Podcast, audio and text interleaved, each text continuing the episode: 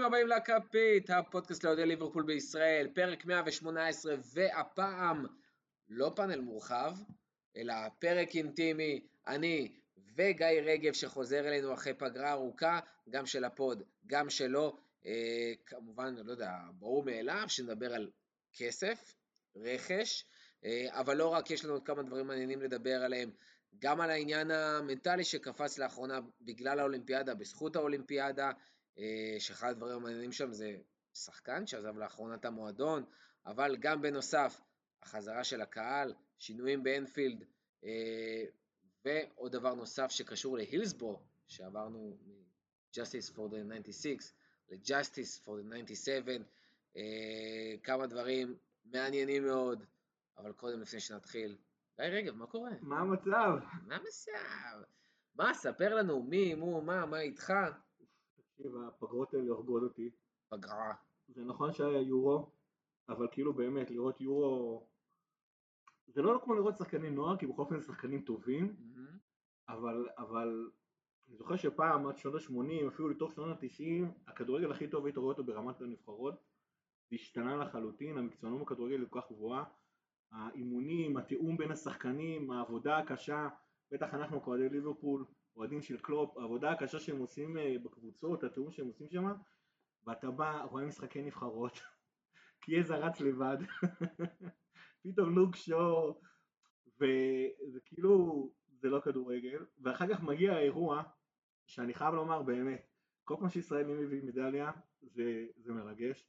כל פעם שמר... בשביל זה אנחנו רואים אולימפיאדה קודם נכון, כל. נכון, כל פעם שגם מעלים את הסיפורים לרשת החברתית, הסיפורים האלה של סיימון ביילס, את השני קופצים לגובה שהחליטו שהם אה, מתחלקים בזהב. שהם מתחבקים עם הזהב, אחד עם השני. האמת היא, כאילו, זה, זה אפשר לדבר על הסיפור הזה מצד אחד, מי שראה את הסרטון הזה רואה אותם שם פשוט אה, מבסוטים שהם לקחו זהב. כאילו אתם רואים בן אדם הבין שהוא לקח זהב, מה, מה יוצא ממנו אותו רגע. אה, ארטיום דולקוף, וואי, אני יודע את השם שלו. אבל ידידנו עם מדליית הזהב שעשה עבודה נהדרת. מצד אחד, מצד שני... ארטיום? ארטיום? דולגופיה. דולגופיה, אז הייתי, הייתי שם. אה, אז אה, כן, מצד שני, אני זוכר שמתישהו בחיים שלי הבנתי שזה מקצועות ספורט, שכאילו לא מעניינים אותי חוץ מבאולימפיאדה. אני כאילו פעם הייתי מהצופים היותר אדוקים של האולימפיאדה, הייתי רואה באמת כל דבר שערוץ אחד היה משדר, אחר כך גם ערוץ הספורט הצטרף לחגיגה. אה, ומתישהו אתה מבין למה שאני אראה התעמלות מכשירים כשכל הארבע שנים האחרונות לא ראיתי התעמלות מכשירים זה כאילו אז, אז הפסקתי עם זה אבל אני חושב שהאולימפיאדה מראה זה כאילו לך מה באמת אתה אוהב מהספורט זה כאילו אתה יודע שזה פסגת היכולות mm-hmm. אתה רואה את המשמעות של מה זה ההישג הזה לספורטאים עצמם אתה רואה את ההתרגשות של הספורטאים ואתה רואה שכאילו הרבה פעמים הספורט זה הרבה יותר ממה שהוא פשוט זה דרמה מרגשת, דרמה שאי אפשר לעמוד בפניה. אתה גם רואה, דרך אגב, אנחנו מדברים בתור אוהדים שאוהדים קבוצת כדורגל ושייכות והישגים, אנחנו פתאום נתפסים על אותם ישראלים שזוכים כן. במדליות והולכים אחריהם, ואנחנו אומרים, אני לדוגמה, אני לא צופה בכל האולימפיאדה, גם, אה, גם כי אני עובד, כאילו יש עוד דברים שקורים ביום יום, וקשה כן. מאוד אה, לקום בשש בבוקר, ואתה יודע, וזה גם באמת פחות מעניין. אבל פתאום, שיש לך את הקרב על הארד של אה, אבישג סמברג, או הקרבות שהיה בג'ודו, השחייה שהייתה בסוף, אה, גם של אבישג וגם בג'ודו וגם הקבוצתי, אה, וגם אחרי זה השחייה הגדולה של הארטיום, אתה רוצה להיות שם, אתה רוצה לראות את זה, אתה קופץ, אתה רואה את כולם מתלהבים, כי בסופו של דבר בשביל זה אנחנו רואים ספורט, בשביל הרגעים האלה, בשביל הזכיות, בשביל המשהו הגדול הזה. יש לנו סתם מלודרמטים, כל מה שאנחנו רוצים בחיים זה טלנובלה. אנחנו רוצים לראות את הדברים שאנחנו לא מסוגלים לעשות, כן. זה התמצית של הדבר הזה. סליחה ממאזינותינו נשים, אבל בתור גברים אתה לכאורה לא אמור לראות טלנובלה. ופתאום אתה מתרגש עם דמעות. סתם, הייתה איזושהי שחקנים מדרום אפריקה שלקחה את הזהב, ולזה היא ציפתה, היא אמרה שכאילו זה היא יכולה לעשות, היא הבינה שהיא עושה את הזהב. והייתה מבסוטית וזה, הסתובבה אחורה, הסתכלה על לוח התוצאות, הראו לה שיש את שיא עולם. התגובה שלה הייתה כל כך אה, מדהימה ומרגשת, ההפתעה מעצמה וזה. פשוט, אה, מה לעשות, נו, אה, שנים אנחנו, גבריריים. אבל בואו נדבר, אמרנו שנדבר על זה, אני חושב שזה באמת הנושא שהכי מעניין לפתוח את הפרק הזה, זה העניין המנטלי. אני חושב שהיה המון המון דגש באולימפיאדה הזאת, עדיין יש, על כל מה שקשור לעניין המנטלי. הדבר הכי גדול והכי סמלי שהיה לזה זה מה שקרה לסיימון בלס, שהיא בעצם ממש באה ואומרת, אני עוצרת את הכל, יש לי איזשהו קושי מנטלי, עכשיו, היו הרבה תגובות לפה ולשם, תומכות ונגד, ו... אבל... קראו לה בוגדת באומה. היו הרבה דברים, תכף נדבר על זה, אבל שורה תחתונה, אה, ומאוד חשוב לי לקשר את זה גם לשחקני כדורגל ולשחקנים של ליברפול, ותכף נקשר את זה גם לוויינלדום, שברגע שהוא עזב, אחד הדברים הבולטים שהוא דיבר עליהם, זה אותה ביקורת שהוא מקבל. אנחנו, כן, ואנחנו, ואנחנו רואים ספורטאים ב-2021 סופר מושפעים מהביקורת, גם של התקשורת, גם של אוהדים, אה, גם שלהם כלפי עצמם, שפתאום הלחץ הזה נהיה הרבה הרבה יותר גדול מפעם. אה, זה, מראה, זה משפיע על התוצאות, ויותר מזה, זה משפיע על הדבר עצמו.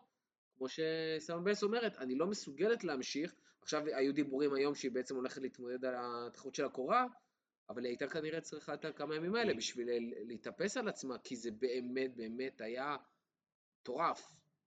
כן, אני חושב ש... אה, ראיתי, ראיתי איזה ציור בטוויטר שדיבר על זה שאנחנו כולנו היינו בצבא, אני גם הייתי בצבא אבל לא הייתי קרבי, אבל אה, הרבה מאיתנו היו קרביים בצבא, הרבה מאיתנו נאלצו להיכנס אה, אה, להילחם נגד מחבלים, תקופות אחרות נגד חיילים שרצו להרוג אותם והצליחו לתפקד בתוך הלחץ הזה. ו... ואז הוא אמר שזה כאילו מבחינתו זה, זה הסבר טוב למה הוא יכול לרדת על כל ספורטאי באשר הוא, שמה אתה לא, איך אתה לא יכול לעמוד בלחץ. אני חושב שאנשים קצת לא מבינים, מבינים איזה לחץ נמצא על ספורטאים ובשביל קצת לנסות להסביר את זה אני אה, נתקלתי באיזה פוסט של אה, בחור אה, בשם דוקטור איציק אלפסי, אוהד ליברפול גדול, אני מניח שכמה מהמאזינים שלנו מכירים אותו, והיום הוא דוקטור לפסיכולוגיה, אני באמת מתנצל בפניו כי אני לא, לא, לא לגמרי סגור באיזה, באיזה תחום בדיוק, אבל אני יודע שכן יש לו פודקאסט שנקרא States of Mind, אני מאוד ממליץ עליו, והוא כתב פוסט בפייסבוק על, על, על מה זה אומר, ומפרש שהזהות שלנו כאנשים כמה שאנחנו רוצים לחשוב אחרת, היא לא רק מה שאנחנו אוהבים ורוצים לעשות, היא לא מוגדרת רק מעצמנו.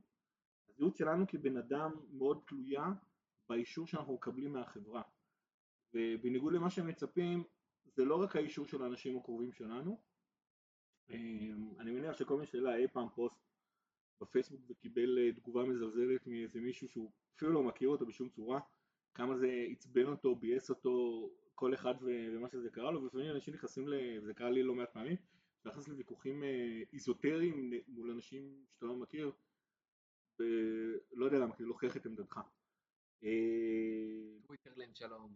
לא רק טוויטרלנד, בפייסבוק, אני לא מצייץ, אני בעיקר בפייסבוק, אז, אה, אז כן, גם פייסבוק שלו. וזה לא, זאת אומרת, זה, זה לא תופעה של מה בכך, זה האישור שאנחנו מקבלים, זאת אומרת זה האישור החברתי, פעם היית מקבל את זה מהחברים שלך, מה, אה, מה, מהאנשים שאתה נתקל בהם, מה, מה, מהקולגות שלך בעבודה, היום אתה נכנס, נחשף לזה גם ברשתות החברתיות וההדהוד של הדבר הזה הוא, הוא עצום, כי אתה פתאום לא מקבל אה, תגובות מבן אדם אחד, אתה מקבל תגובות ממיליון אנשים. הוא באמת מראה שם שכאילו היום אנשים שנכנסים לפיד שלהם וקוראים תגובות בפייסבוק, זה מחקר שהוא עושה, הם פשוט נכנסים לדיכאון. זאת אומרת, אין, אין דבר ש, ש... זאת אומרת הוא בדק אנשים שנכנסו לפיד שלהם ושאל אותם שאלות לפני ו-15 דקות אחרי שהם גלגלו את הפיד ובגלל שרוב התגובות הן אה, באמת ארזיות ורעילות אז אנשים באמת נכנסים לדיכאון מהדבר הזה, זה דבר אחד.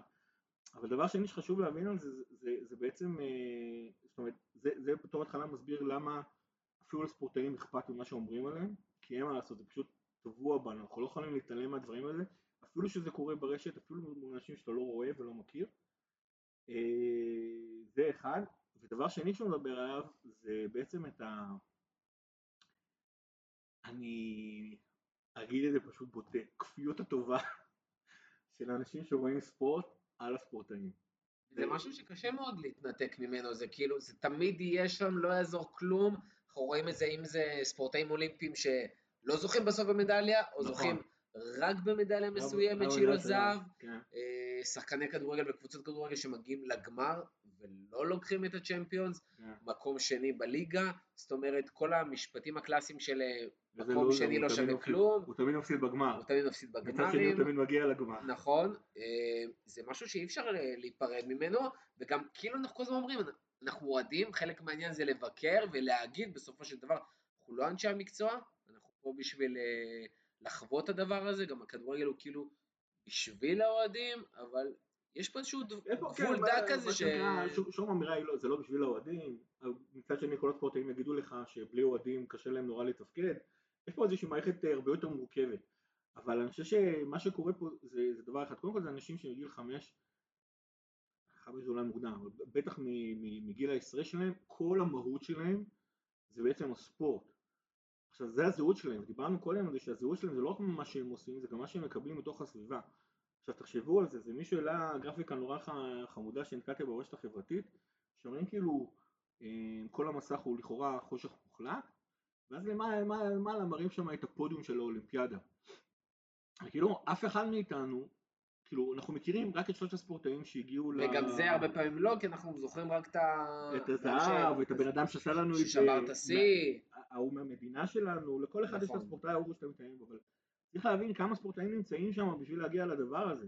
זאת אומרת... אה, וכמה זה אה, קשה להגיע לדבר הזה, איזה כן, תהליך עברו בשביל להגיע לדבר הזה. תחשבו כמה, כמה שחקני כדורגל קיימים בעולם, ופעם בארבע שנים רק 11, 22 מהם רואים מונדיאל, זוכים במונדיאל. מה זה אומר על האחרים?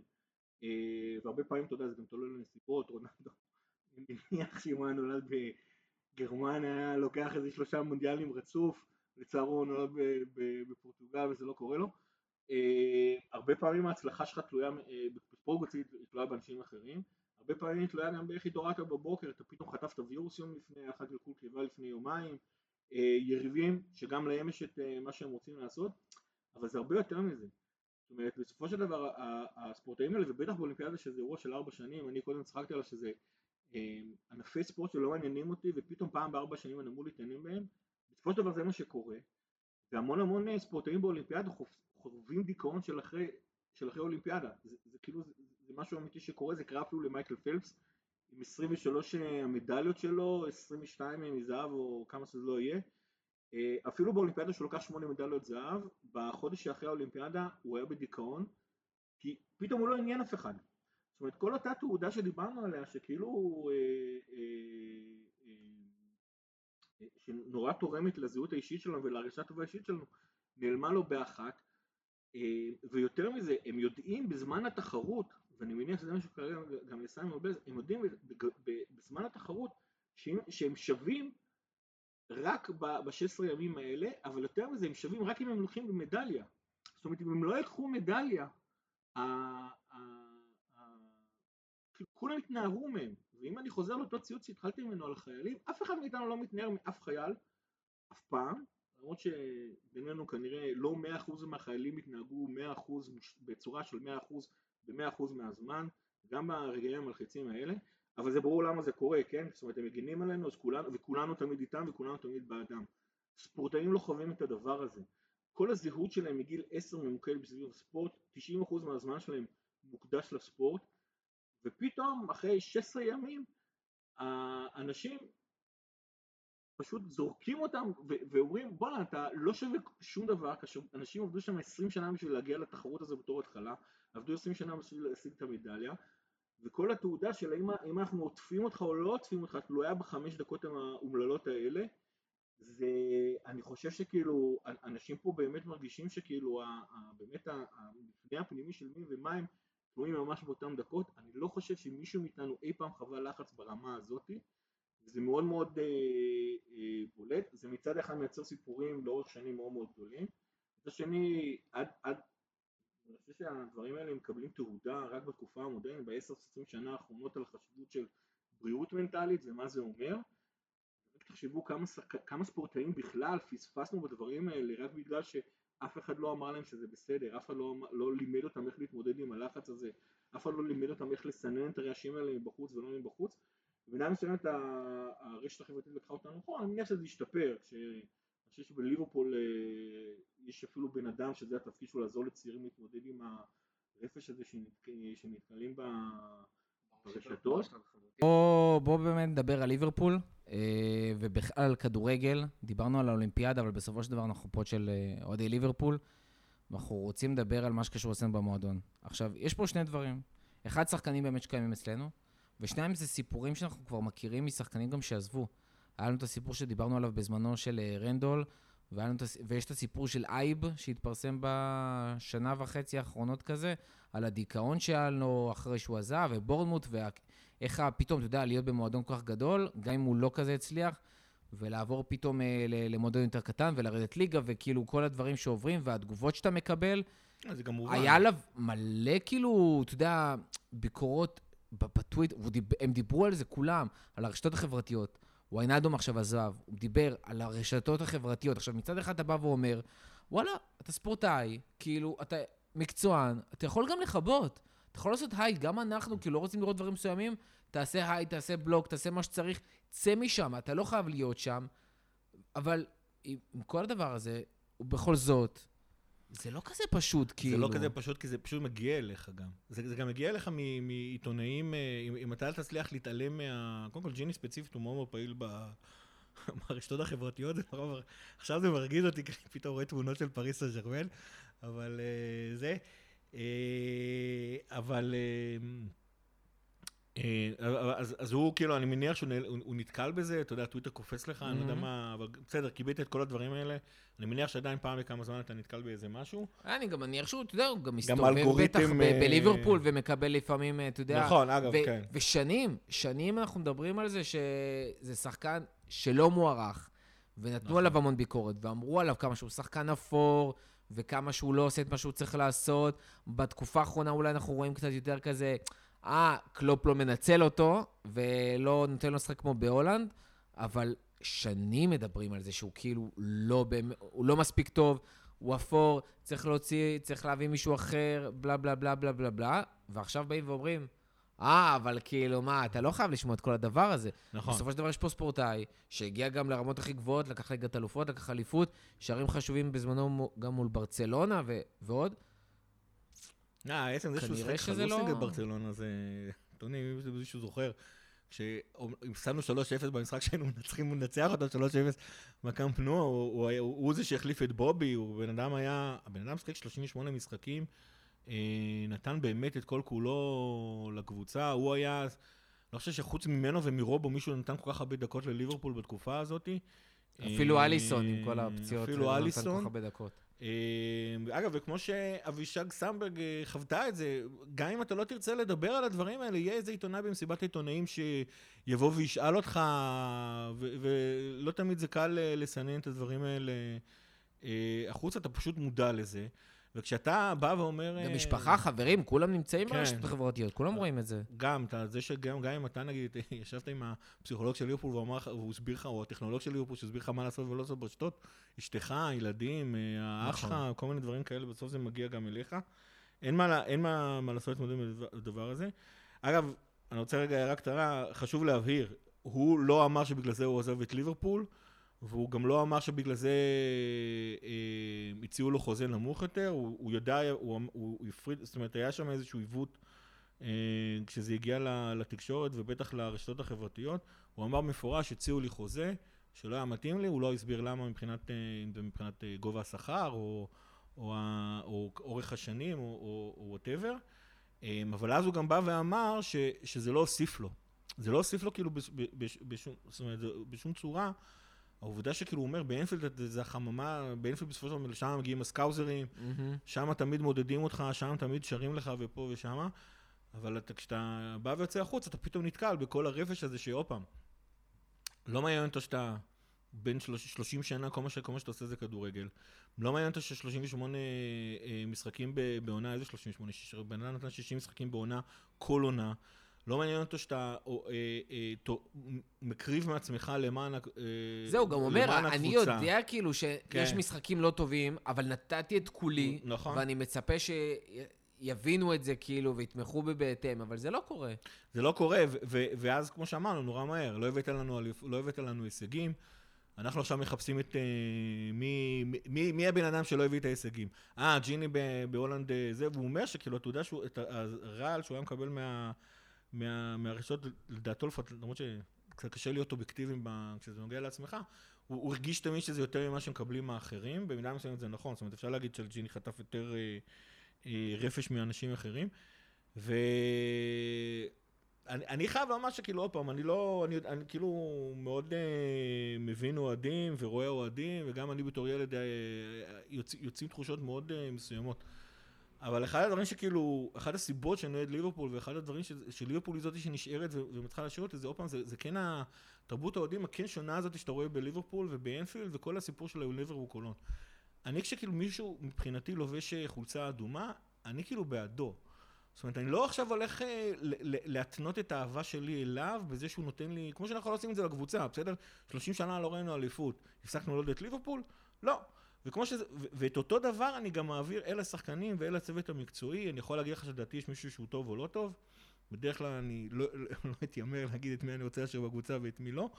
אמ, אבל, אבל כאילו מבחינתי הוא בעדי, מבחינתי כל שחקן שעוזב את ליברפול זה כישלון זה כישלון שכאילו כל הדבר הזה שנקרא ליברפול, לא של הקבוצה או של איזה מישהו ספציפי או של השחקן, אה, זה שכאילו כל, ה... כל המושג הזה שנקרא ליברפול, שנאלץ אה, להיפרד משחקן, מבחינתי זה כישלון, כי כאילו, וואלה. עכשיו זה ברור לי, גם שנקלי, האמת היא שנקלי אה, בתקופה הראשונה שלו החזיק לא מעט שחקנים מיותרים. למרות, כן, זהו, נאלץ, כאילו ואז יש... נאלץ להיפטר מהם, אבל פייזל למשל, ידע כל עונה להעיף שני שחקנים, להביא שני שחקנים חדשים. ואנחנו יודעים ו- שזה הדבר הנכון כאילו- לעשות, אתה צריך את הרענון הזה, בסופו של דבר נכון, זה גם... אבל, אה, אבל לצורך העניין כשאני מסתכל נגיד, סתם עכשיו לרוץ יעזב את ה... אה, נאלץ לפרוש מהקבוצה, אני מתלבש דווקא עליו. זה שחקן שכאילו כשאני... נאלץ, אה, רצה, רצה ללכת, לא הכל טוב. לא נכנס כרגע לסיבות, אני זוכר שראיתי אותו באיזשהו פרס סיזן לאיזה 30 דקות, היה נראה שהבן אדם הוא רץ, היה נראה שהבן אדם יודע אה, ללחוץ, עכשיו מבחינתי זהו. אה, אני אוהד ליברפול, אז אני אוהד לרוצי, ואני רוצה, ואני מחכה לרגע שלרוצי בעוד 2, 3, 4, 5 שנים, יהיה טרנט החדש. עכשיו, ברור לי שסטטיסטית זה לא יכול לקרות, כן? טרנט יש אחד ב... האמת טרנט ספציפית יש אחד בדור.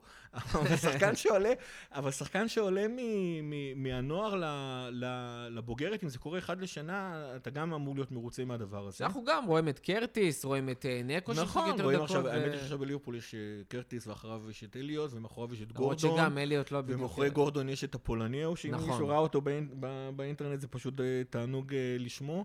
זאת אומרת, יש איזשהו אוסף שחקנים, אבל סתם קחו- אה, אבל- אבל מבחינתי לרוץ, אני ממש רציתי שהוא יהיה המגן השמאלי הכי רובו. קחו לדוגמה סיפורים כמו פיליפס, קחו לדוגמה סיפורים כמו אוריגי. שחקנים שכאילו, אם אתם ככה מנפנפים אותם אה, ב- ב- בזה, נתן משחק אחד לא טוב, זהו, די, לא רוצה לראות אותך כי מה אתה נותן? לא! הוא בא לליברפול, הוא התאמן כל השנים, מישהו בליברפול זיהה שם איזשהו כישרון, מישהו בליברפול אמר, יש, אה, יש פוטנציאל לדבר הזה, עכשיו בואו ננסה לממש אותו. לצערנו, באופן כללי, רוב הפעמים זה לא קורה. בטח בספורט, בטח בספורט תחרותי, בטח ברמות הכי גבוהות של הכדורגל, שבאמת, אחד למאה אלף שמתחילים לשחק כדורגל מגיעים לשם. אבל, אבל כאילו מבחינתי, זה מה שאני רוצה. אני מבחינתי, כהן נותן להם רק, רק תמיכה, באמת, רק תמיכה. אני מאוד מאוד נזהר, זה קורה לי, אני לא, לא אגיד שזה קורה לי, שמאה אחוז מהזמן זה קורה. אני רק תמיכה, רק מעודד אותם, רק שר להם, רק רוצה שהם יצליחו, מעביר לקרמה האלוה- האלוהית את כל התחושות האהבה והחיוביות שאני מסוגל לספק, כדי שהם יצליחו. לא רוצה, והכי מוזר לי זה שבאמת, ששחקן יצא ממועדון ויגיד, בואנה, אוהדים לא אהבו אותי, על מה? על זה שהוא כאילו, ש, כאילו אני באמת באמת בטוח על רוב השחקנים, הרוב המוחלט של השחקנים שנותנים את כל מה שיש להם, שופכים על המגרש, זה לא כולם מילנר, אבל אני די בטוח, שכ- או, או הנדו, אני די בטוח שכל השחקנים כשהם עולים על המגרש נותנים כל מה שהם יכולים לתת באותו רגע נתון. אז, אז, אז הוא לא הצליח, לצערנו זה קורה, מה שנקרא, לעוד אנשים ולעוד קבוצות יש מה להגיד בדבר הזה. אה, ותחשבו על זה, זה גם לא צריך לגרום לאנשים דיכאונות ככה סתם. אז נכון שהם מרוויחים מיליוני דולרים, אז מה? אז ג'רארד וקרגר וטרנט לא יהיו לנו כל שנה, כל שנה. אבל... אה, אבל כבר אז- אז- רשימה מספיק ארוכה להיות מבסוטים. נכון, אבל גם יש, יש העברות, אין מה לעשות, השחקנים ילכו ושחקנים יבואו, אה, ונעבור מהחלק המנטלי לחלק הפרקטי.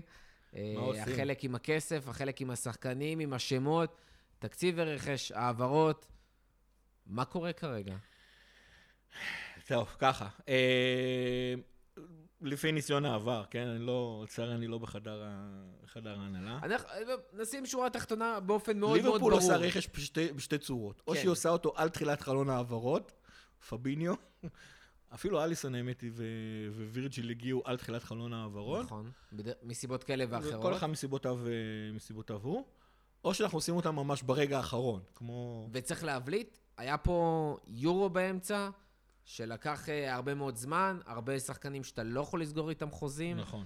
אה, שחקנים שיוצאים למנוחה, חוזרים, אתה גם בוחן שחקנים, אתה רוצה לראות מי נשאר, מי, מי הולך, ואתה גם רוצה לעשות את העסקאות הכי משתלמות לך, ואם תעשה אותן מוקדם, בעצם תצטרך לשלם הרבה מאוד כסף. אז קונאטה מצד אחד מגיע מוקדם, כי אתה יודע שאתה משלם את ה-buyout close שלו, אגב, זה- שחקנים זה- אחרים, אתה צריך לעשות משא ומתן. נכון, או לחילופין פבינו, שמאיזושהי סיבה לא מוסברת, אף אחד לא התעניין בו.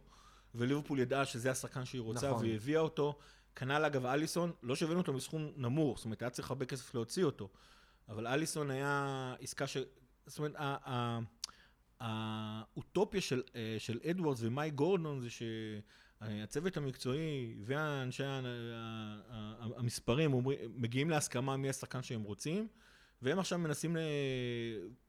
יש איזשהו אלגוריתם בליברפול שאומר מה זה אומר, אם שחקן מסוים אנחנו רוצים אותו, כמה הוא שווה, ואז ניגשים לקבוצה, ואפשר להביא אותו בכסף. עכשיו, אם כל יסתדר לנו לפי הכוכבים, שזה אומר, כן, הוא המספר אחד שלנו, כמו שהיה על וירג'יל ואליסון, מהמם. וכן, אה, רצינו להעריך אותו בסכום מסוים, כמו נגיד על אה, אה, סאלח ומאנה ו- ופביניו.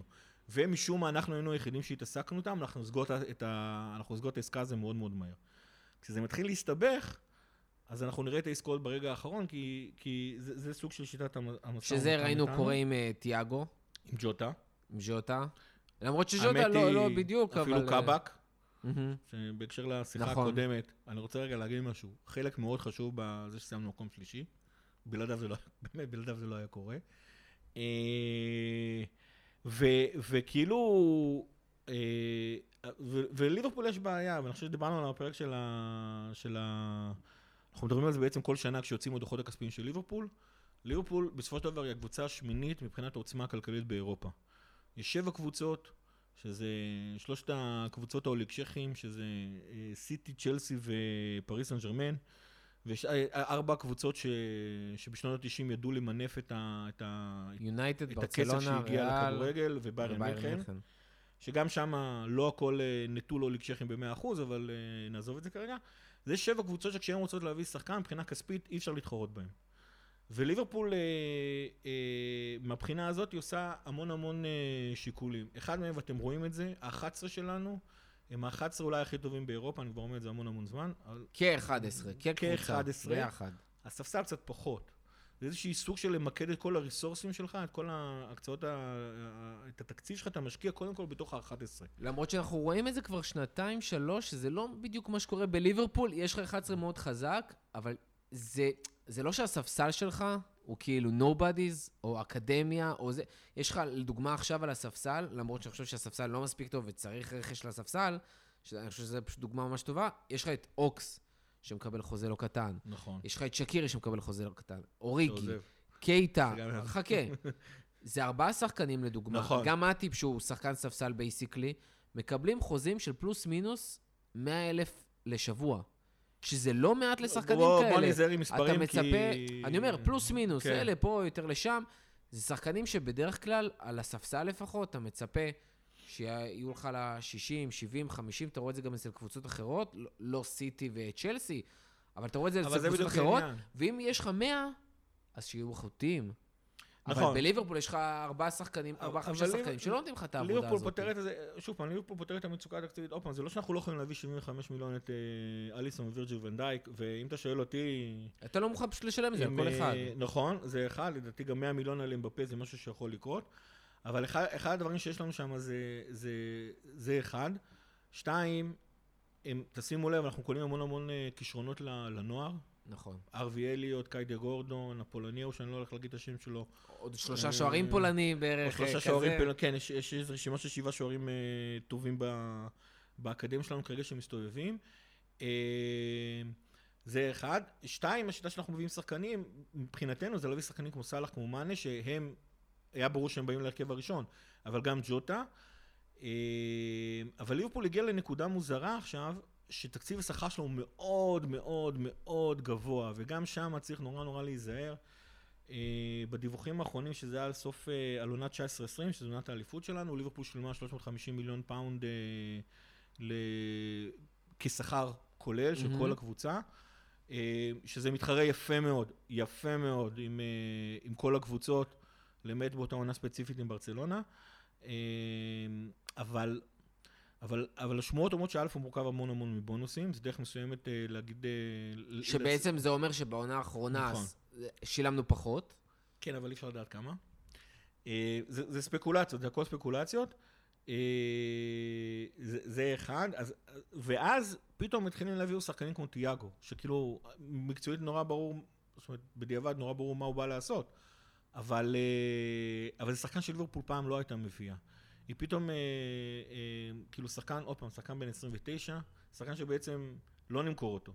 ששילמו עליו אומנם יחסית מעט כסף, אבל... אה, הוא לא אה, מתאים לפרופיל שחקנים מתאים שיגיעו לליברפול. בניגוד לכמו שסאלח ומאנה הגיעו, כמו ג'וטה, ז'וטה שזה מקרה קלאסי. שזה מקרה קלאסי. אפילו, דרך אגב, דיברנו על זה בפרק האחרון, אבל היו את השמועות עכשיו על בואוין.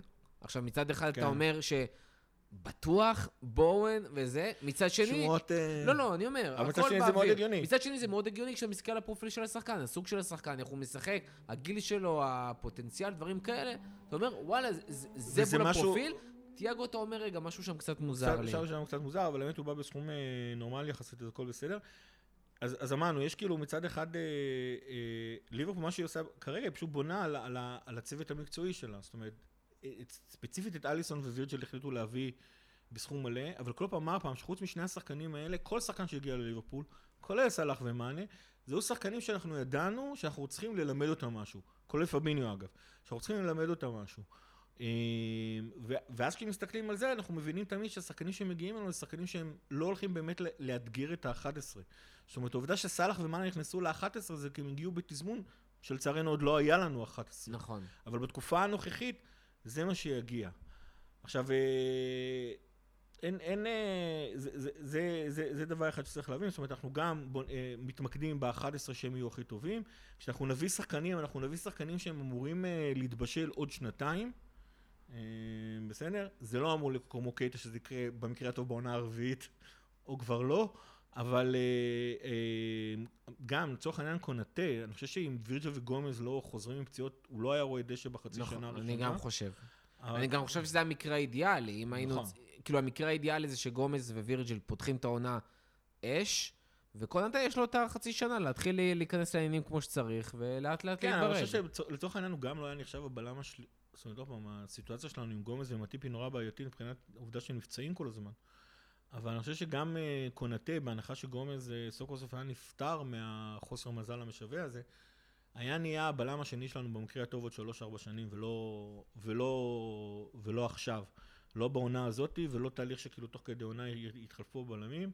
שוב פעם, תלוי כמה גומז עשו. אה, לכשירות.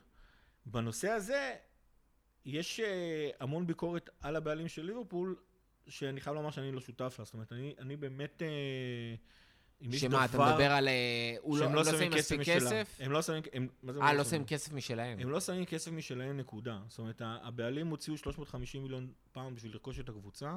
הם נתנו למועדון הלוואה של 150 מיליון פאונד בשביל... אה, בהתחלה, כדי שהמועדון יוכל להתחיל לתפקד, כי אז ליברפול לא הייתה בעמדה מול הבנקים לקבל הלוואות במצב טוב. מאז הם לא שמים כסף משלהם. עכשיו, אני, אני לא אומר את זה לרעתם. מבחינתי, אם יש משהו שאני אוהב בבעלים הזה, זה בדיוק הסיפור הזה, שהם בונים את ליברפול כמועדון יציב, שהם בונים את ליברפול... שגם אם הם יקומו וילכו, המועדון יציב, הוא לא נכון. תלוי בהם, הוא לא כאילו... תלוי, ב- הוא... שוב הוא לא מונשם על ידי אוליגרכים, בוא נגיד ככה. ז- זכינו, זכינו לבעלים שגם יודעים לנהל קבוצות ספורט אה, ברמה הכי גבוהה בעולם, אבל כסף מאצלם הם לא יביאו. ולכן מה שאנחנו רואים עכשיו זה ליברפול אה, גם מנסה ל- ל- למכור, את השחק... למכור שחקנים בשביל להגדיל, אה, להגדיל את התקציב, את תקציב הרכש שלהם. אבל אני רוצה להגיד פה משהו, צריך נורא נורא נורא נורא להיזהר עם הדבר הזה. זה שכבר מכרנו שחקנים ב-33 מיליון פאונד, זה לא אומר שיש לנו אקסטרה 30 מיליון פאונד אה, אה, לרכש. זה לא אומר שיש לנו פחות, זה גם לא אומר שיש לנו יותר. יש המון המון דברים שנכנסים לשם. בתור התחלה, לפני עונת 19-20, ליברפול לקחה הלוואה של 150 מיליון אה, פאונד מהבנקים.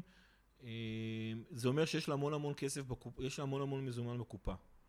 מצד אחד. מצד שני, מאז עברו עברה עוד עונת קורונה, נכון. עברו בעצם עונה וחצי של קורונה, אה, וכמות הכסף של, של ליברפול יש, כמות המזומן של ליברפול יש בבנק, הידלדלה. עכשיו זה נשמע לכם, זאת אומרת, למה מזומן? מזומן זה חשוב, זאת אומרת, בסופו של דבר את ההעברות עושים כסף נזיל.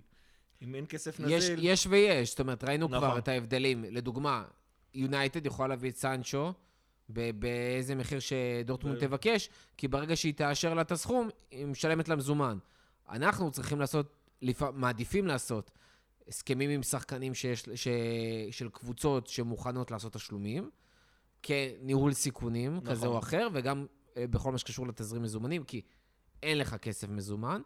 אבל שוב, אני לא חושב שזה כאילו... לא ההבדל רע, היחיד שיש אבל- במקרה אבל- הזה, דרך אגב, זה שכסף מזומן מבטיח לך את ה-number one priority שאתה רוצה להביא. נכון. השאלה אחרי זה, וזה מה שאנחנו תמיד מדברים, האם יש כזה פער עצום בין ה-number one priority ל-second priority, ל-third priority? כי כבר ראינו מקרי עבר שאנחנו כל הזמן חוזרים עליהם.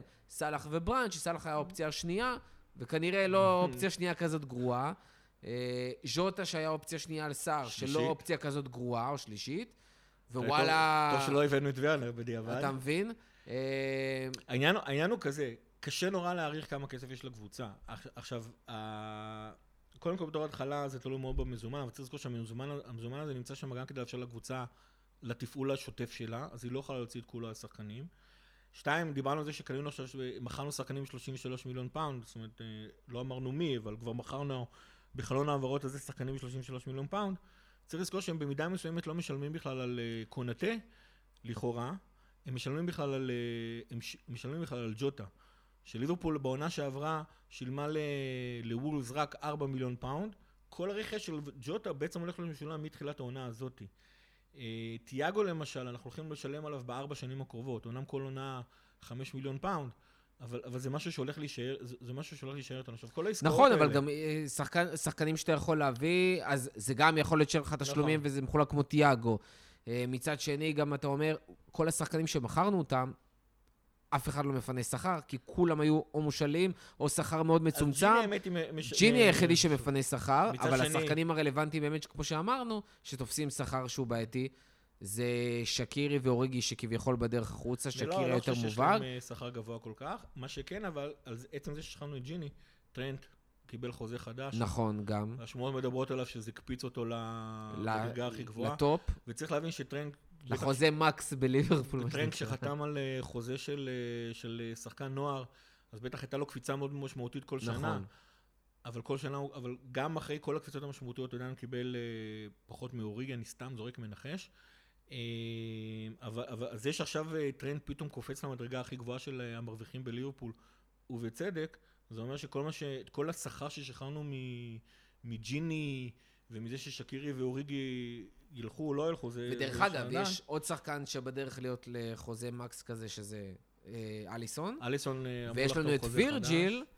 שאני לא כזה אופתע אם הוא יעבור את זה שאני גם, לא והולך אופתע אם להיות יש לו הטופ סעיף פייד. של... אה, שקובע שהוא תמיד המרוויח הכי גדול בקבוצה. לא, כרגע ממה ש... הדיבור כרגע שטרנט יצטרף לארבעה מרוויחים ה...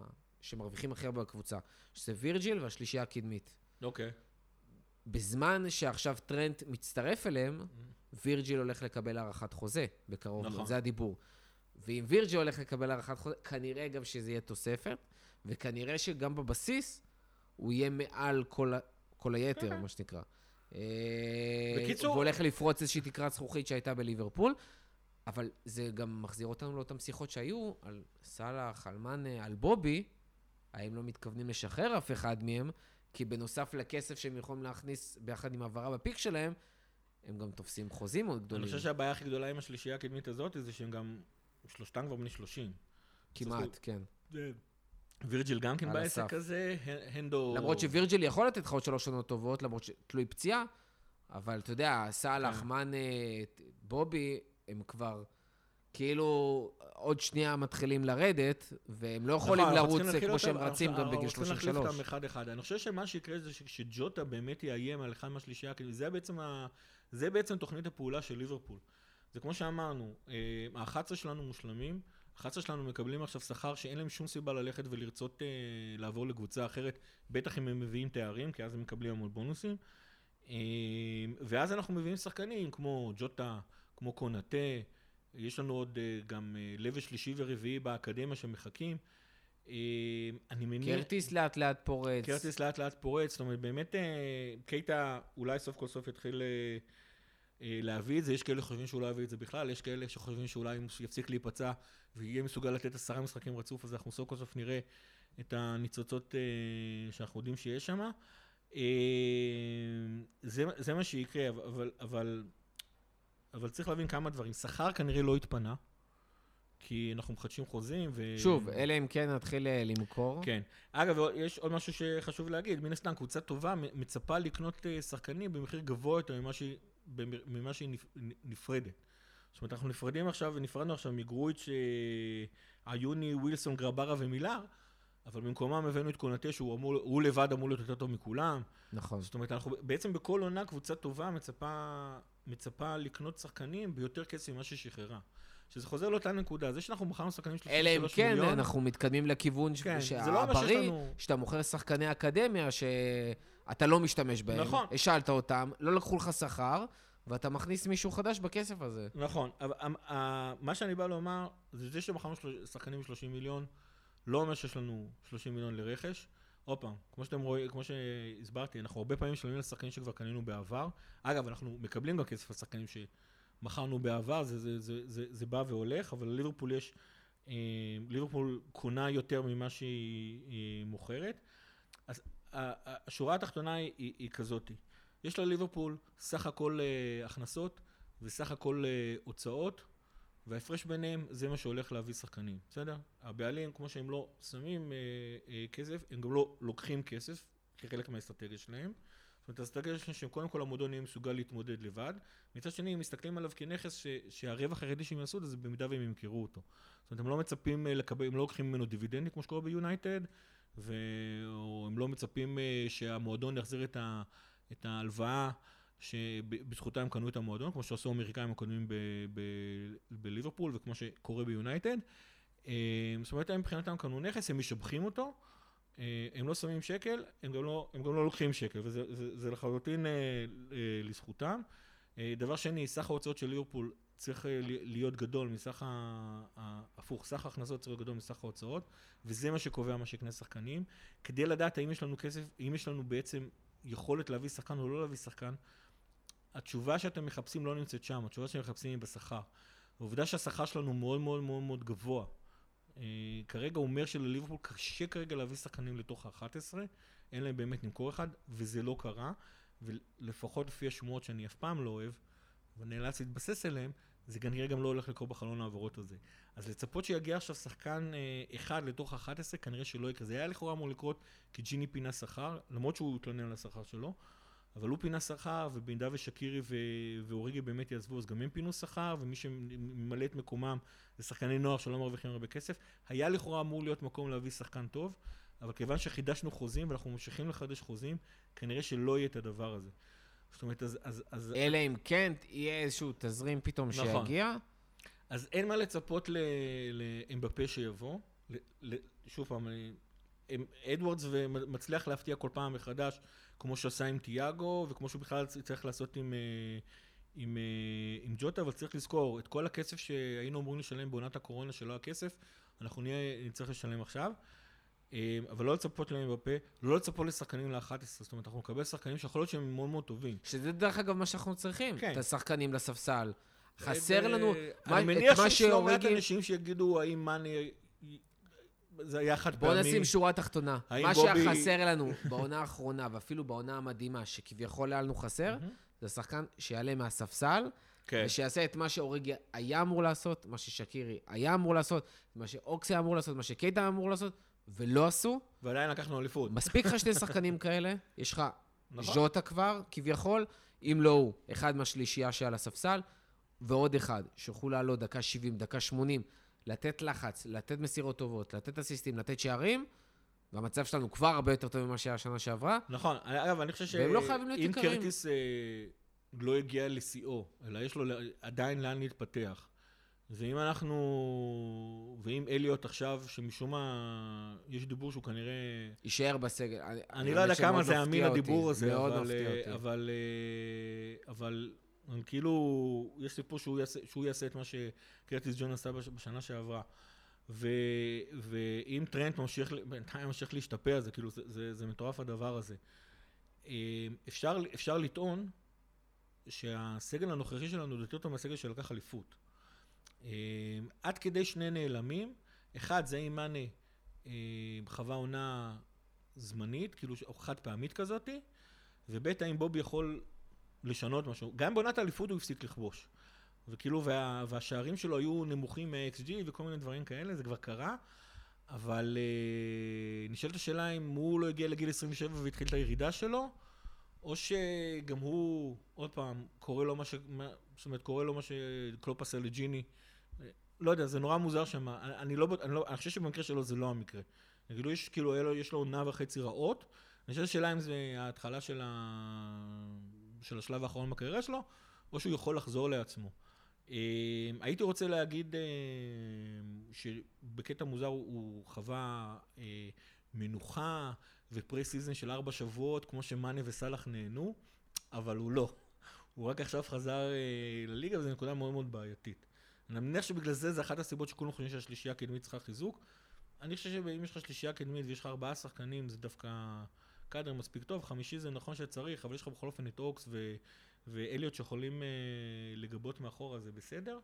אני חושב שבקישור, אגב, אין לנו בעיה. זאת אומרת, אני לא קצת קשה לי להבין למה בגלל שג'יני עזב, כולם נלחצים, כי, כי תיאגו פה, וכאילו... אני חושב שבעיקר בגלל מה שקרה בעונה האחרונה, שבעצם לא היה לך קשרים, שזה- כי שזה לא היה לך גם- בלמים, כי היו פציעות, והגעת שזה למצב גם, כן, שאנחנו אנשים, מאוד חלש. אנשים נכנסו לטראומה ומנסים לתקן אותה, אבל הקטע זה שכאילו שני השחקנים, אה, שני השחקנים הכי טובים שלך ייפצעו, לא לחודש-חודשיים, זה קורה. שני השחקנים הכי, הכי טובים שלך בעמדה מסוימת, ייפצעו לך, ויגמרו את העונה לגמרי, כאילו לעונה שלמה הם נפצעו.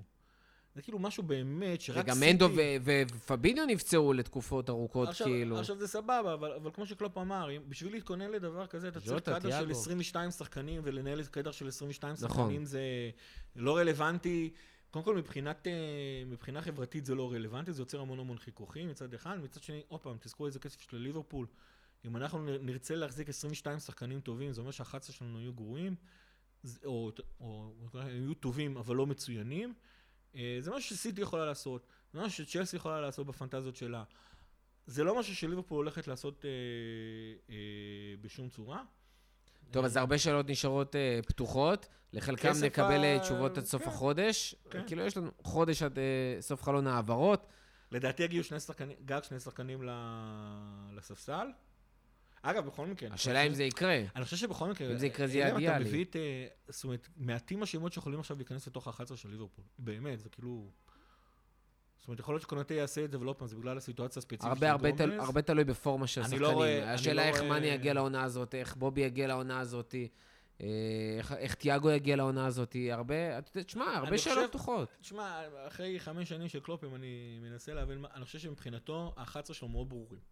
זה אליסון, זה טרנט, זה וירג'יל, זה גומז או קונאטה, זה נקודה מעניינת. לא, באמת נקודה מעניינת, כי זה, זה רובו, זה פביניו, הנדו ותיאגו זה שאלה מעניינת. זה לא שאלה בכלל, והשלישייה הקדמית זאת השלישייה הקדמית. וג'וטה? ימשיך לעשות את מה שהוא עשה העונה שעברה. למרות שלדעתי הוא פותח את העונה במקום בובי.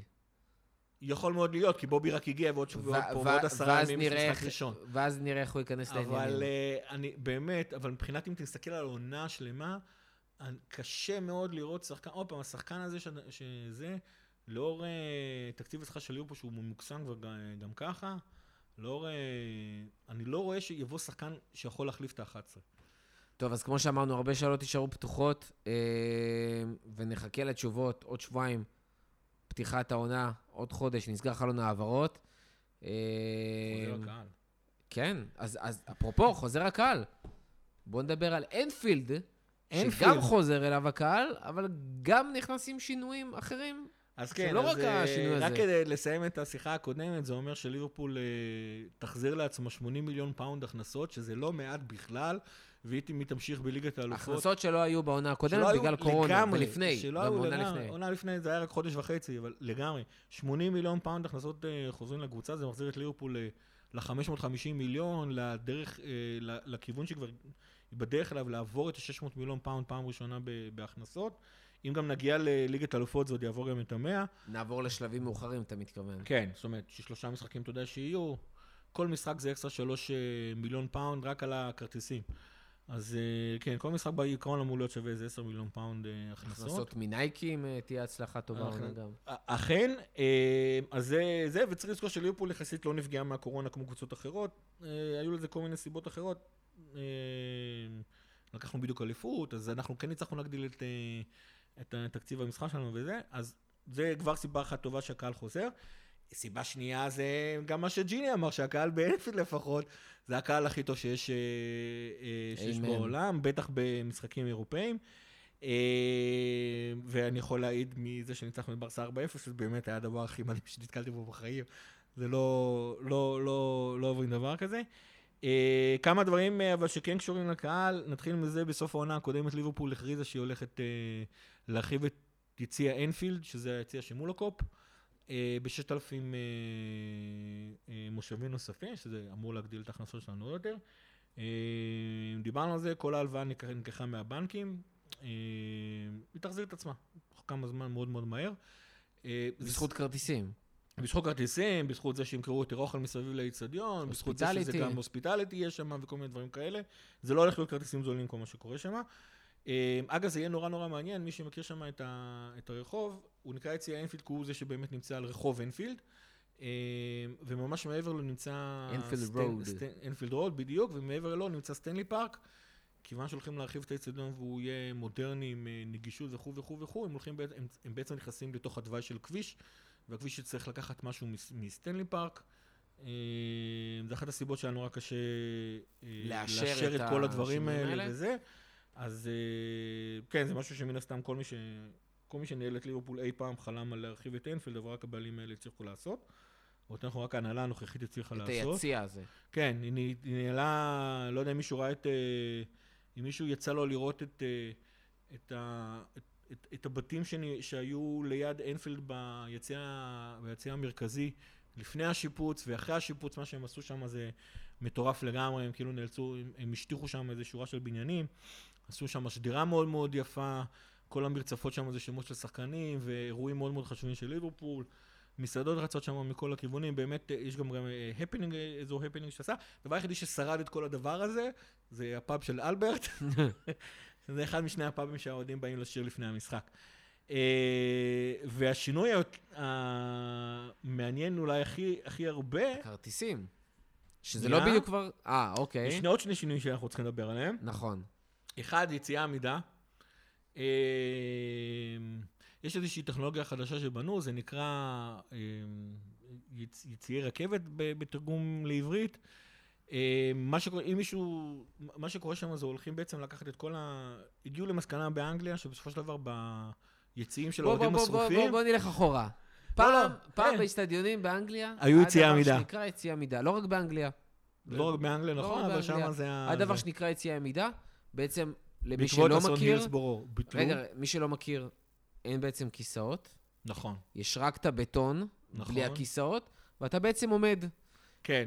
בלי גדרות בין השלבים, ואז אתה בעצם, זה כמו אמפי כזה של בית ספר. נכון. נכון? שאתה פשוט מתיישב, או עומד, ואתה יכול פשוט לרוץ ולעלות ולרדת, ובעצם, כן. מה שהיינו מכירים, מי שמכיר, יש שער, וכולם פשוט יורדים למטה, כמו, כמו כן. גדולים, להתלהב כמה שיותר קרוב ל, ל, לדשא, אה, ובעצם, אחרי אסון אליסבורו, אחרי אסון הילסבורו, שתכף נגיע היה אליו דוח גם, טיילור, ואחת המסקנות שלו היה לבטל את היציאים האלה, כי זה נורא נורא מסוכן, וזה נכון. מה שהם גילו אחר כך זה שביציאים של השרופים, אנשים לא רק שהם עומדים, הרבה פעמים עומדים על על הכיסאות. הכיסאות. אני, האמת היא, באנגליה אפילו בקופ זה כמעט ולא קורה, אבל בארץ זה קורה קבוע. אה, וגם זה מסוכן. זאת אומרת, זה לא מסוכן כמו קודם, אבל זה, זה לא הדבר הכי בטיחותי בעולם. מה שעשו המצאה באנגליה זה בעצם, אה, זה נקרא יציעי רכבת, הם בעצם, השורות של הכיסאות יישארו אותו דבר, אבל בעצם יש שם, במקום, במקום הכיסאות יחליפו אותם, בעצם בגדר אחת שהולכת לכל רוחב היציאה, וזה כיסאות מתקפלים. הרעיון הוא שבאירופה, שאף פעם לא יסכימו לחזור ליציאי עמידה, אה, אנשים יוכלו לשבת, אבל כשזה יהיה במפעלים המקומיים באנגליה, אז הכיסאות האלה בעצם מתקפלים, ובין הגדרות, שעוד פעם הולכים לכל הרוחב, זה לא שם אפשר לעלות מלמעלה, לרוץ כל הדרך דוך למעלה למטה, מהמם. אתה חסום גם מלפנים וגם מאחור, אתה חסום על ידי על ידי הגדרות אתה האלה. בעצם, קשה מאוד לצאת מהשורה שלך בכלל. אלא אם אתה זה, מטפס. מה, מהבחינה הזאת, אתה, אתה בתוך השורה שלך נקודה, אבל אתה עומד. כאשר זה אמור לפתור מצד אחד גם את הבעיה של אנשים עומדים, למרות יצ- ישיבה, מצד אחד. מצד שני, בואו גם נודה על האמת, זה יגדיל קצת את כמות האנשים באיצטדיון. שזה מאוד מאוד בעייתי. מפוקפק. לי זה גם מאוד מוזר. כן. אתה אומר, אתה עדיין רוצה להכניס אנשים פר כיסאות, ולהכניס אנשים יותר מהכמות שאמורה להיות שם, שזה לא, גם ככה די הם יודעים צפוף. שבקופ יש 12,000 מקומות, אז עכשיו ידעו שכשזה בעמידה יש 15,000 מקומות. אני לא, לא ניכנס למספרים באופן אה, מדויק, אז אה, זה. הסיפור הזה היה אמור להתחיל אה, לעשות פיילוט כבר בעונה שעברה, אם אני לא טועה באולד טראפורד אה, כבר יש יציע אחד כזה, אבל עונה שעברה לא היה קהל. העונה ב... באחד היציעים, נדמה לי שבאנפילד, אה, זאת אומרת לא סתם באנפילד האיצטדיון, באנפילד, היציע האנפילד שבאיצטדיון אנפילד, אה, יש שם אזור מסוים של אה, אה, כיסאות כאלה, כאשר בליגה הם יהיו, הם, הם, יתקפלו ואנשים יעמדו שם. עכשיו כרגע, כיוון שזה פיילוט, כמות האנשים שתורשה להיכנס זה לפי כמות הכיסאות, אבל כמו שאמרנו, המטרה של זה בעתיד, ניסוי מאוד מאוד מעניין שהולך לזה, במידה מסוימת סוגים של חזרה של יציאה עמידה. שינוי נוסף, שינוי נוסף אה, זה. כרטיסים. כרטיסים והניסיון של ליברפול להילחם אה. בספסרות. אה, מעניין איך זה יעבוד, אבל סתם שתדעו, בשביל לקנות כרטיסים לליברפול יש שתי אפשרויות. האפשרות הפחות נפוצה, כאילו יש פשוט הרבה פחות, זה כל כרטיסי ההוספיטלי שזה כרטיסי נייר. האפשרות השנייה... רגע, זה- אבל בוא- בוא רגע נסביר. הוספיטליטי זה לא ה... זה לא ה... זה לא כרטיס נייר זה הוספיטליטי, אלא הוספיטליטי זה בעצם כרטיס שאתה קונה לא רק, אתה לא רק קונה משחק, אה, לצפות במשחק, אלא בעצם כן. אתה מקבל דברים נוספים. לכאורה, אתה פוגש בדרך כלל הוא מגיע כנייר, וזה. כי זה לא מנוי, נכון, כי זה הוא בדרך כלל פתוח יותר... לכולם. בדיוק, הוא גם נפוץ בדרך כלל לתיירים, מה שנקרא.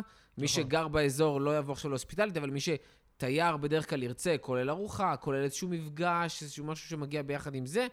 אה, וזה בדרך כלל בא בכרטיסים, כי אין לך מנוי. נכון, והרבה פעמים אגב החבילות שאתם קונים ייתנו לכם כרטיסים כאלה, כי אלה הכרטיסים שקל לקנות. עכשיו, זה כרטיסים יקרים יותר, אבל זה נכון. גם מעט יחסית מהכרטיסים, מכמות, מהכמות כן. הכוללת של כרטיסים למשחק. אגב, אם אתם מצליחים אבל לקנות, לעלות על הכרטיסים האלה באינטרנט, א', הם לא חייבים להיות אה, חברי מועדון, אה, לא חברי מועדון, חברים של, של ליברפול עצמה. אה, אפשר להשיג אותם בגלל שהם עולים יקר יותר, בדרך כלל המחיר שלהם יוצא בדיוק כמו המחיר שהם תקנו מס- מספסר או באינטרנט בכל האתרים שמוכרים. ואנחנו לא מעודדים דבר כזה, אל תעשו את זה. אבל את ההוספיטליטי תקנו, זה גם נכנס למועדון, אחלה. אה, הדרך השנייה, והיא כמובן הבולטת יותר, אז א', אתם חייבים להיות חברים של אה, ליברפול, אתם צריכים לשלם איזשהו, אני משלם 45 דולר בחודש, בשנה, סליחה, 45 דולר בשנה, כדי להיות אחד מחברי המועדון. זה לא סוסיה כמו בריאל מדריד ו- סוסיוס. אתם לא. באמת חברי מועדון, כאילו, אין לכם אחוזים, מה שנקרא, או. החלטות, אבל אתם מנויים, מנויים. members. עכשיו זה לא season ticket, אתם פשוט משלמים 45 דולר, זו התרומה שלי השנתית אה, למאמץ של אה, FSG נגד האוליגרכים. גם זה לא שאתם משלמים סתם, אתם בעצם, יש הטבות, אה, זה כמו. כרטיס מועדון שאתה מקבל בארץ נכון, מיני דברים, אבל יש לך הטבות כאלה כן, ואחרות. יש 10% הנחה ב... ב... בלי זה אתה לא יכול בחנות. לקנות כרטיס רגיל, יש לך 10% אבל הנחה. זה בדיוק הקטע, בלי זה אי אפשר לקנות כרטיסים.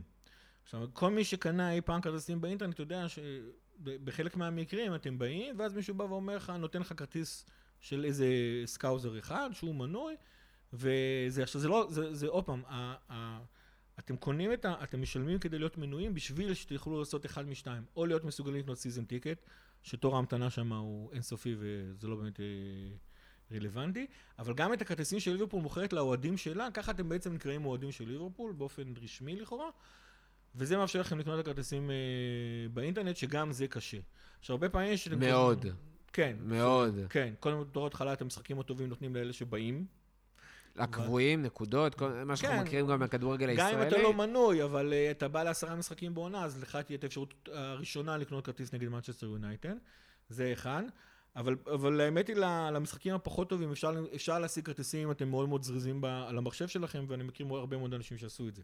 גם בזה וגם בעניין של ואתם צריכים לדעת. חצי שנה מראש בערך שאתם הולכים למשחק הזה. וכן, בדיוק. אתם צריכים לדעת לבחור איזה משחק אתם רוצים לחצי שנה מראש, והכל סבבה. אה, מה שמשתנה, כן, אגב, הערה קטנה, אם בטעות אנשים יחזרו, קנו כרטיס למשחק והחזירו, סקאוזרים מותר להם לקנות כרטיסים בתשע פאונד בקופת ה- בקופת האצטדיון. אה, לכן ליברפול מבקש מאנשים שקנו כרטיס ולא יכולים ללכת, להחזיר את הכרטיס. מה שלא קורה בדרך כלל, אנשים שלא הולכים למשחקים, בסופו של דבר מוכרים את זה באינטרנט, ו- וזה מה שקורה. בהרבה יותר מתשע פאונד. ואז מה שקורה, אתם הולכים, נפגשים באיזה... באיזה עם- פאב, או ליד איזה קונסיירז' של פסל. איזה מלון, כמו שקרה לי פעם, הוא נותן לכם את הכרטיס המועדון, הוא אומר לא לדבר עם אף אחד, ובתקווה אתם אה, מצליחים לעבור והכל סבבה. מה שליברפול עכשיו עושה, זה במקום לתת לכם אה, כרטיס מגנטי כזה, שזה מה שמאשר לכם, גם גם לי יש אחד כזה, אה, אנחנו אמורים להוריד איזושהי אפליקציה או איזשהו זיהוי לתוך הטלפון שלכם, והיא זאת שתזהה שאתם מנוי מספר 100848, שזה שלי. אה, איך אתה זוכר? 100648, סליחה, כן. אתם אומרים להוריד, וכאילו זה אמור לרדת לכם לטלפון.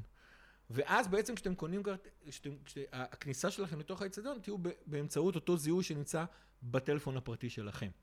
מה שאמור להקשות על היכולת להעביר את הכרטיסים האלה מאחד לשני, כי עוד פעם, הזיהוי של מי אתה בעצמך הוא בעצם בטלפון הפרטי שלך. אני מניח שלספסרים יהיה דרכים אה, לעשות את הדבר הזה, אבל זה משהו שהולך להיכנס העונה. זאת אומרת, אתם תקנו כרטיס, אין יותר כרטיסי נייר, אין יותר את הכרטיסים המגנטיים האלה של, אה, של החבר מועדון, אתם פשוט באים עם הטלפון שלכם, מראים את הזיהוי ונכנסים פנימה. עוד פעם, גם כן, הכרטיס אמור לרדת אוטומטי. אה, זה עובד בטכנולוגיית NFC, זה אומר שאו שיש לכם אנדרואיד או שיש לכם אייפון 7 ומעלה. אה, זהו, ככה צריך להיכנס עכשיו לאנפילד. מעניין איך הספסרים יעקפו את, ה... את האתגר הזה. לדעתי מבחינתם זה אתגר. ונושא אחרון שלנו להיום, הנושא האחרון שלנו להיום. נושא חשוב, כן. אה, הילסבורו. שפשוט לא... הפעם אנחנו לא מציינים כמו הרבה פעמים אחרות היום שנה ל... אה, אלא הפעם קרה דבר שבעצם סוג של משנה קצת את ההיסטוריה הכתובה. נכון. אה, צריך עכשיו להתחיל לשנות את כל החולצות. עברנו באופן ש- מאוד עצוב, אה, אבל... בגלל אה, שג'סטיס ו-96 מתחרזים, סוג של, אז נראה לי אה. שלא ישנו את זה. אה, אבל באופן, רש- באמת באופן רשמי, אה, נוסף הרוג ה-97 ל- לרשימת ההרוגים מהאסון. אה, בחור בשם אנדרו דיוויין, שהלך ל- למשחק, ובעצם בגלל כל ה... הלחץ והדחק שהיה שם, בעצם נכנס ל... היה לו איזשהו אירוע מוחי, הוא בעצם צמח כבר מאז אותו משחק, או בעצם יש לו איזשהו... הוא בעצם פעיל מוחית ב... מאוד מאוד ברמה נמוכה. אה, ולפני שבוע, שבועיים בערך הוא, הוא נפטר.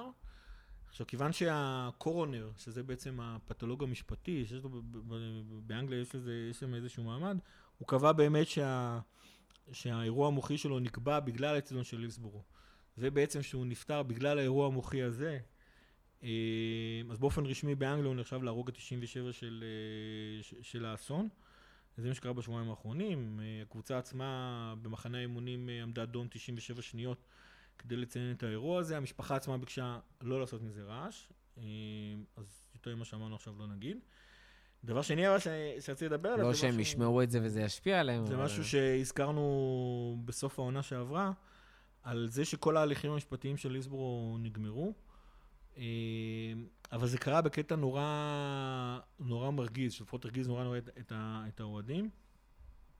אחת הבעיות שהיה ב- בהילסבורו זה, זה פרשת הטיוח, בעצם כל השוטרים אה, התבקשו לשנות את הדיווח הראשוני שלהם, ומעבר לזה שהיו שוטרים ש, שנהנו לפקודה או לא נהנו לפקודה, אז גם היו כל מיני אנשים שבאו ועברו על הדוחות הסופיים, ובעצם אה, דאגו לשנות אותם בצורה כזאת כדי שהאחריות לא תיפול על המשטרה. אה, הסיפור הזה גם כן היה אמור להיות בבית המשפט, ובקטע מוזר, השופט עצמו החליט שזה כיוון שזה היה הליך אה, פנים אה, משטרתי, אז אין פה בעצם עבירה על, החוקים הפליליים של בריטניה, אלא בעצם יש כאן איזושהי עבירה טכנית, וזה צריך להיסגר באיזשהו דיון מש, משמעתי בתוך, אה, עם המח"ש המקבילה של מח"ש הבריטית וכו' וכו', אבל אין לה, אין לה, אין לה דבר הזה סיפור אה, פלילי ב, באנגליה. זה יצר מן הסתם המון המון רעש בליברפול, המון המון אכזבה. כל ה... צריך לזכור שכל הארגונים אה, למען המשפחות אה, וגם הקבוצה עצמה, כל פעם שהם היו מדברים על ליסבורו, גם ביום השנה של ליסבורו, תמיד היו מציינים, חבר'ה, הנושא הזה עדיין בדיון משפטי, אנחנו מבקשים לא לדבר על הדבר הזה. עכשיו, אני לא יכול להגיד שכל האנשים הפרטיים אה, ברשתות החברתיות עמדו על המשפט, אבל, אבל כן הארגונים הרשמיים שעוטפים את אה, ליברפול, ארגוני האוהדים הבכירים, וגם הקבוצה עצמה מאוד מאוד נשמעו לדבר הזה. מן הסתם זה מאוד מאוד אה, אה, אכזב אותם אה, בכל הסיפור הזה, וצריך להבין שזה בעצם היה ההליך המשפטי האחרון, ובעצם מתוך כל ה... על כל האסון של ליסבורו, בקטע הכולל נסגרו פחות מעשר שנים מאסר. רוב האנשים שיצאו שם גם לא עשו את המאסר בגלל, בגלל שעבר כל כך הרבה זמן. אה, האסון די נגמר ללא עונשים משמעותיים על האחראים של הדבר הזה. טוב, אז... אה, בנימה אופטימית זאת. כן, אה, זה לפחות תם ונשלם. אתה יודע, סיפור כאילו, זה, זה מאוד עצוב לשמוע שמישהו, אתה יודע, נפטר ככה, וזה מצטרף, ועוד אדם שמצטרף לכמות הנספים מהילסבורו. אבל עם זאת, אתה יודע, בעם סובל כל כך הרבה שנים, לא בדיוק סובל כבר, אתה יודע, מחובר כן. וזה. לפחות לשחרר את זה, לפחות אם הייתי, לא יודע, קשה מאוד להתחבר לדברים האלה, אבל... Uh, או להגיד מה אני הייתי עושה. לא, זה נכון, אגב, צריך... אבל ש... באיזשהו מקום אתה מרגיש של כאילו, זה היה צריך לקרות, וזה משתחרר, uh, גם למשפחה, גם לחברים, גם מכל הדבר הזה. Uh, וגם באיזשהו מקום, כל הסיפור של אילסבו, אולי, אתה יודע, עוד חלק תם ונשלם בדבר הזה ונתפר, ואפשר אולי עוד לדחוף את זה, מה שנקרא, להיסטוריה ולהשאיר את זה בעבר. ולהתנתק. לא, זה מן הסתם זה אירוע היסטורי שלא יעבור, אבל כבר, אה, אגב, כבר שנפתחו את ההליכים המשפטיים, אחרי שסוף כל סוף שר התרבות, התרבות והספורט הבריטי שהגיע לאנפילד ב, ביום השנה ה-20 וזה, וקיבל את התגובה נכון. שהוא קיבל מהקופ, ואז נפתחו כל התהליכים המשפטיים. Mm-hmm. כשזה קרה, וכשהחליטו אגב גם לפתיחת כל המשפטים, אז עוד פעם, ארגוני המשפחות אמרו שהם משחררים את אנפילד, הם משחררים את ליברפול, עוד פעם, במרכאות. כן, אתה יודע, תהליכים שלאט לאט זה באמת... לא, אומרים, השגנו מה שרצינו, שיהיה משפט, שהורידו את... נכון. כשבאופן רשמי הורידו את האחריות מהאוהדים, אז אמרו סבבה, ובעצם היום, אגב, תמיד יש את הקבוצה תמיד מציינת את זה באילסבורו, ותמיד בתוך ה... תהיה את הדקת הדומייה במשחקים, אבל האירועים הגדולים שהיו פעם בתוך אנפילד זה כבר לא קורה. הם באמת עברו ל, ל, לכנסיות, לב, לבתי העלמין שם ו, ולמונומנטים האחרים שיש, אבל זה כבר אין את האירועים הגדולים שהיו בתוך אנפילד, זה, והמשפחות שחררו את זה. זה משהו שפשוט לא, קשה להגיד דבר כזה שזה נסגר בארון ההיסטוריה, אבל לצערנו הזמן זה מה, ש, זה מה שהוא עושה. אה, וזהו, לצערנו עכשיו אה, הוא סגור, חתום ונעול עכשיו לגמרי, כי אין יותר, למעט האבל האנושי וזה שהוא נכנס לספר ההיסטוריה של, של ליברפול, אין כבר, אין כבר פה מה, אין, אין יותר הליכים בנושא. אז כמו שאמרנו, Justice for the 97, uh, וכדי לסיים את הפרק באיזושהי נימה, כמו שאמרת, טיפה יותר אופטימית, uh, שבת הבאה, משחק פתיחה, נוריץ', אני יודע כמה אתה מתרגש למשחק, לקהל, לזה. למפגש. למפגש, אה, כמו שאמרנו, יהיה מפגש אה, של חוג אוהדים בכפר אתה יודע כמה זמן לא... ברמת החייל, ברמת החייל. לקחתי את הגרון. נכון, אז קודם כל תתחיל להתכונן, ותתחילו כולם להתכונן. אה, למה אתה הכי, למה אתה הכי מחכה, למה אתה הכי מצפה, מה אתה חושב שיקרה, כמה אתה אופטימי לקראת העונה, בקטנה. אנחנו עוד נגיע לשם ונרחיב על לא, זה גם. אופטימי, אני תמיד אופטימי לקראת העונות. אמ, אליפות? אתה לא ברביר, ברביר גם לא פה. בוא, במצב הנוכחי כן, אבל לדעתי סיטי מכינה איזה כמה הפתעות. יש את גריליש וקיין בדרך שם. יונייטד התחמשה לא רע. יונייטד לא מטרידה אותי. צ'לסי? גם לא מטרידה אותי. אה, עוד פעם, מה זה לא מטרידה? יהיה קשה נגדם. הם לא, הם לא... הם לא יאיימו על סיטי נקודה, והיחידה שיכולה לאיים על סיטי זה אנחנו. במצב הנוכחי כרגע, בסגל הנוכחי, עם מאנה ובובי חוזרים לעצמם, אין שאלה. אני כן יכול להגיד לך דבר אחד, העונה הזאת עוד פעם תהיה יותר מ-90 נקודות לקחת אליפות, אם לא יותר מ-95, זאת אומרת אנחנו חוזרים לשתי העונות אה, של ליברפול וסיטי לפני הקורונה, בעצם לשלוש העונות של ליברפול וסיטי לפני הקורונה. אה, במצב הנוכחי אני מאוד מאוד אופטימי למה שיקרה, השאלה מה, כי עוד פעם, כן, אני חושב שהסגל שלנו יותר טוב מעונת האליפות, ואני לא בטוח שהסגל שעשיתי השתדרג מהעונה שלו, לכאורה הוא נחלש כי הגוורו עזב. אממה, אנחנו יודעים שסיטי לא...